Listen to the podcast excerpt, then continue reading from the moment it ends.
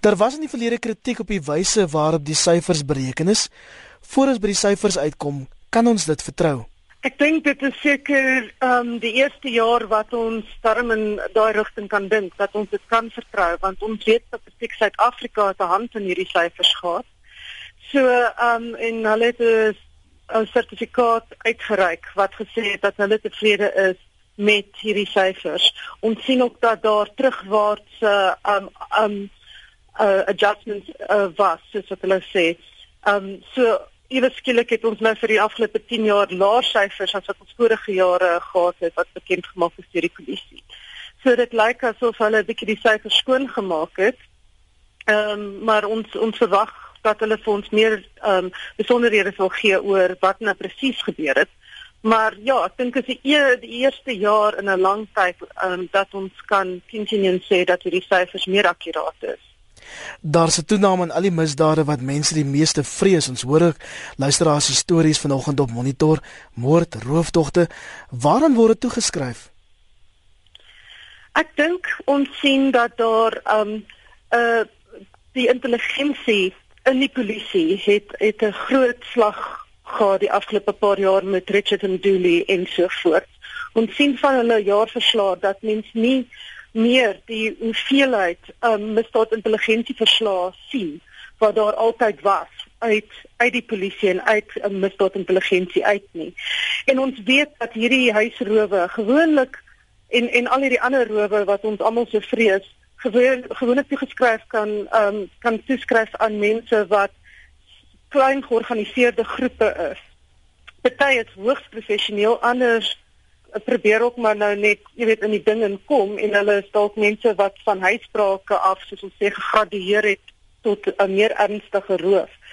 So 'n paar as mense 'n paar van hierdie syndikaate kan uithaal, kan jy nogal 'n 'n groot um, slag toedien aan jy weet in in die misdade verminder. Maar ek dink nie dit gebeur doeltreffend nie. Ons het hierdie ons het gesien dat daar afnames was in hierdie tipe van misdade voor die wêreldbeker en gedurende die wêreldbeker. Van daar was taakmagte. Daar was 'n uh, um 'n anti-roof taakspanne en hulle het juis uitgekyk en hulle het gewerk op 'n uh, provinsiale vlak en en het regtig die hierdie mense in die beskrywings gaan soek. So daai intelligensie word nie nou toegepas nie. En ek dink dit is die rede hoekom ons net sien al hierdie ehm um, verhogings in hierdie tipe van rowe. Kom ons bespreek van die kategorieë van ons luisteraars wat spesifieke inligting soek. Hmm. Byvoorbeeld huis en sake rooftogte het gestyg met onderskeidelik 5,2% en 3,2%. Is dit doodgewoon opportunistiese misdaad of is dit georganiseerde misdaad? Ek dink ehm um, soos ek sê daarso mense kry gewoonlik dat misdadigers Um as hulle sien hulle het uh, vir 'n paar keer huis uh, ge weet ingebreek by en so aan. Raak dit soms uh, gradeer hulle soos ons sê hulle ontmoet iemand wat sê nee, hulle het al 'n huisroof gepleeg en hulle kry 'n wapen in die hande of 'n mes en hulle sê kom ons gaan in wanneer die mense in die huis is. Want dan kan ons die geld kry, ons kan sleutels tot die kluis kry, ons kan die selfone kry, ons kan die laptops kry, al die goederes wat wat gou verkoop. So dit is opportunisties in die sin dat de, dan jy weet jy hoef nie deur groot alarms te kom en deur die honde en so aan nie want van die mense by die huis die deure is oop en hulle kan vinniger inkom. Maar dan natuurlik raak dit gevaarliker.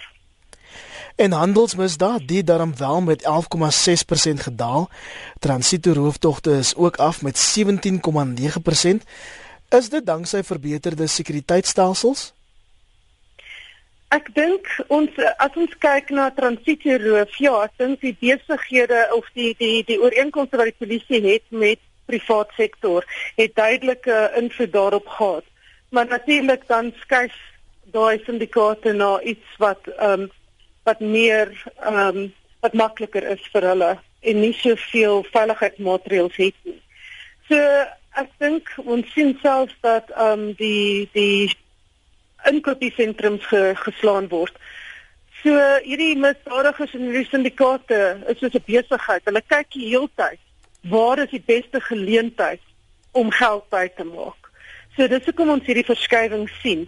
Maar uh, ons moet ook besef dat die die besighede wat die meeste ge, geslaan word deur hierdie syndikaate is die klein die die ehm um, klein sakehandel wat nie die private sekuriteit kan bekostig wat die groot sakehandel um, mense kan nie. So ongelukkig um, Jy weet dit is nou met met hy met besigheidsroof en, en so aan is dit die geval. Maar as ons kyk na wat hulle noem die sake misdaad, die commercial crime. Jy weet dit is 'n moeilike een want dit sluit in bedrog en al daai sake, die sogenaamde witboortjie misdade. En en die probleem met daai is dat ons sal nooit weet of alles aangemeld word nie. Ons weet groot besighede, banke en so aan.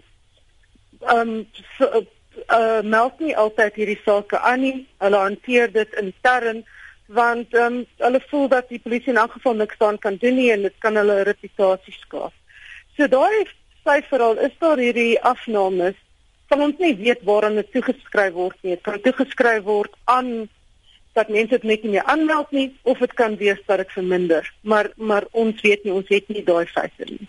As jy dalk laatmens ingeskakel het, ons praat met Lizet Lancaster, sy is van die Instituut vir Sekuriteitsstudies oor die jongste misdaadstatistieke wat gister bekend gemaak is. En Lizet, minister Nhleko sê daar is 'n verband tussen ongedokumenteerde immigrante en sekere misdade in gebiede waar hulle bly. Waarop baseer hy dit? Ek eh, ek weet hulle het 'n interne interne studie gedoen, 'n dokkeranalise van sekere tipe van misdade in sekere areas en gekyk wie is betrokke. Nou, hulle het nooit daai verslag vrygestel nie, so ons moet nou net sy woord daarvoor vat. Maar ons weet nie wat 'n metodiek gebruik is en so voort nie. Ek dink as ons kyk na die uh, misdaads um die slagofferstudie van Statistiek Suid-Afrika en baie ander studies, sal ons sien dat alhoewel jy weet daar soms um uh mense van ander lande betrokke is by hierdie misdade weet ons ook dat baie van hierdie misdade gepleeg word deur Suid-Afrikaners. So ek dink dit is 'n gevaarlike aanname om te maak. Ek dink um dis iets wat ons moet um meer vra oor vra want ek, ek dink ek dink nie dit hou water vir alle misdade nie. Byvoorbeeld, ons weet dat meeste geweldsmisdade gepleeg word deur iemand wat naby aan jou is. Jou man, jou vrou, jou vriend en en wat dit gebeur dikwels in sosiale opsigte of maar weet waar jy kuier en daar is 'n pakleierery en dit gaan te ver en dit is 'n moord of is dit 'n dit is 'n aanranding. So om om al daai te skryf aan behalwe as al jou vriende van van ander lande afkom, jy weet, ek dink dit is 'n gevaarlike stelling om te maak. Net om dit in konteks te plaas, meer as 'n miljoen mense is die afgelope jaar vir ernstige misdade in hegtenis geneem. Dit sluit nou almal in. En dan sê generaal Piega 486 buitelanders is gearresteer vir ernstige misdade en hulle dan glo 'n totaal van 10,8 miljard rand uit die land uit gesmokkel. Wil jy daarop reageer? Ja, ek dink kyk, ek dink dit is fantasties dat dat dat mense gearresteer word en um en en as hulle nou as ons nou weet waar van hulle afkom, jy weet dan begin ons nou daar 'n prentjie kry van van wie is die misdadigers. Maar jy weet ons sit met omtrent 2 miljoen misdade, ernstige misdade per jaar waarvan daar 1004 of 1.4 miljoen arrestasies is. Maar tog sit ons in die howe met omtrent 300 um 300 000 um sake wat gefinaliseer word. So iewers maak die syfers nie sin nie. En daar's 'n groot hoeveelheid sake waar daar arrestasies gebeur, maar maar dit word nooit um, dit sit nooit om in 'n finalisasie of in 'n um in 'n hofsaak wat gefinaliseer word nie. So ek dink Alhoewel mens weet daar's internasionale syndikaate, ons weet van Radovan Christian en sy makkers. Ehm um, is dit weer eens nogal gevaarlik om hierdie verband te maak as jy nie almal arresteer nie en as al daai sake nooit ons baie min van daai sake ooit in die hof uitkom. Wat sê die syfers oor seksuele misdade? Die syfers sê eintlik vir ons amper niks. Dit sê daarso 'n afname. Maar die probleem met seksuele misdade is daar 59 verskillende kategorieë van seksuele misdade in een kategorie gegooi. So ons weet verkrachtings het afgeneem, maar ons weet ook van ander studies dat tussen um 9 tot 125 mense 'n verkrachting aan die polisie aanmeld. So daai syfers is hoogs onbetroubaar en ons moet dit eintlik nie eers um gebruik as enige indikator nie. Wat dit dalk kan sê is hoeveel mense jy weet of mense dit aanmeld want hulle vertrou die polisie. En as ons sien hier daar's hierdie afname, kan ons dalk ook vra maar is die afname daarom dat mense net voel dat hulle dit nie meer aan die polisie wil aanmeld nie. Ons is nou redelik gebombardeer deur die hierdie waaglike misdaadsyfers, maar ek moet vir jou vra, is daar 'n plan van aksie op die tafel gesit gister om te sê dis hoe ons die probleem gaan aanspreek? Ek dink die minister, ehm um, wat ons hoor van hulle is dat hulle verstaan dat dat die probleem ehm um, groter is as hulle. En, maar maar om jou dan in die rede te val, hoe verstaan hulle dit as hulle sê ons het 'n goeie storie om te vertel oor die misdaadsyfers?